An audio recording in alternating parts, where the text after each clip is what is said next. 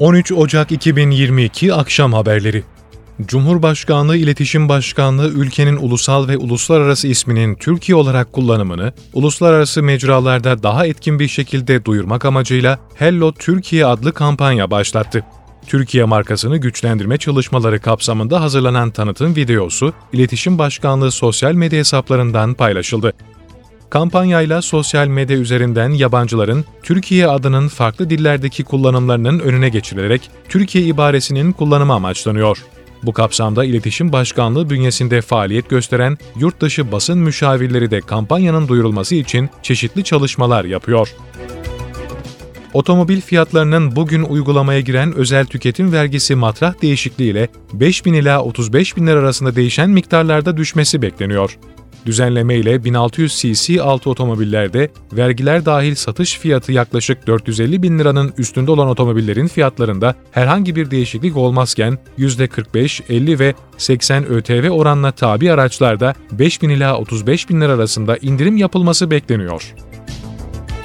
Sanayi Üretim Endeksi Kasım 2021'de aylık bazda %3.3, yıllık bazda %11.4 artış gösterdi. Türkiye İstatistik Kurumu geçen yılın Kasım ayına ilişkin sanayi üretim endeksi sonuçlarını açıkladı. Buna göre Kasım 2021'de takvim etkisinden arındırılmış, sanayi üretimi bir önceki yılın aynı ayına kıyasla %11.4 yükseldi.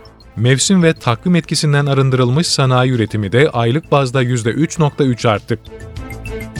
Türkiye Büyük Millet Meclisi Başkanı Mustafa Şentop'la AK Parti, CHP, MHP ve İyi Parti tarafından Kazakistan'a destek mesajı yayımlandı. Türkiye Büyük Millet Meclisi Genel Kurulu'nda okunan ortak açıklamada, kardeş Kazakistan'da son günlerde meydana gelen gelişmelerin endişeyle takip edildiği bildirildi. Kazakistan'ın istikrar ve huzurunun Türkiye'nin barış ve huzuru kadar önemli olduğunun altı çizilen açıklamada, insan hayatını tehlikeye atan, kamu düzenini bozan ve mala zarar veren şiddet eylemlerini kınıyoruz. Bağımsızlığının ilk gününden itibaren Kazakistan'ın yanında olan Türkiye, bundan sonra da Kazakistan'ın bölgenin geneli içinde hayati önemdeki barış ve istikrarına her türlü desteği vermeyi sürdürecektir ifadeleri kullanıldı.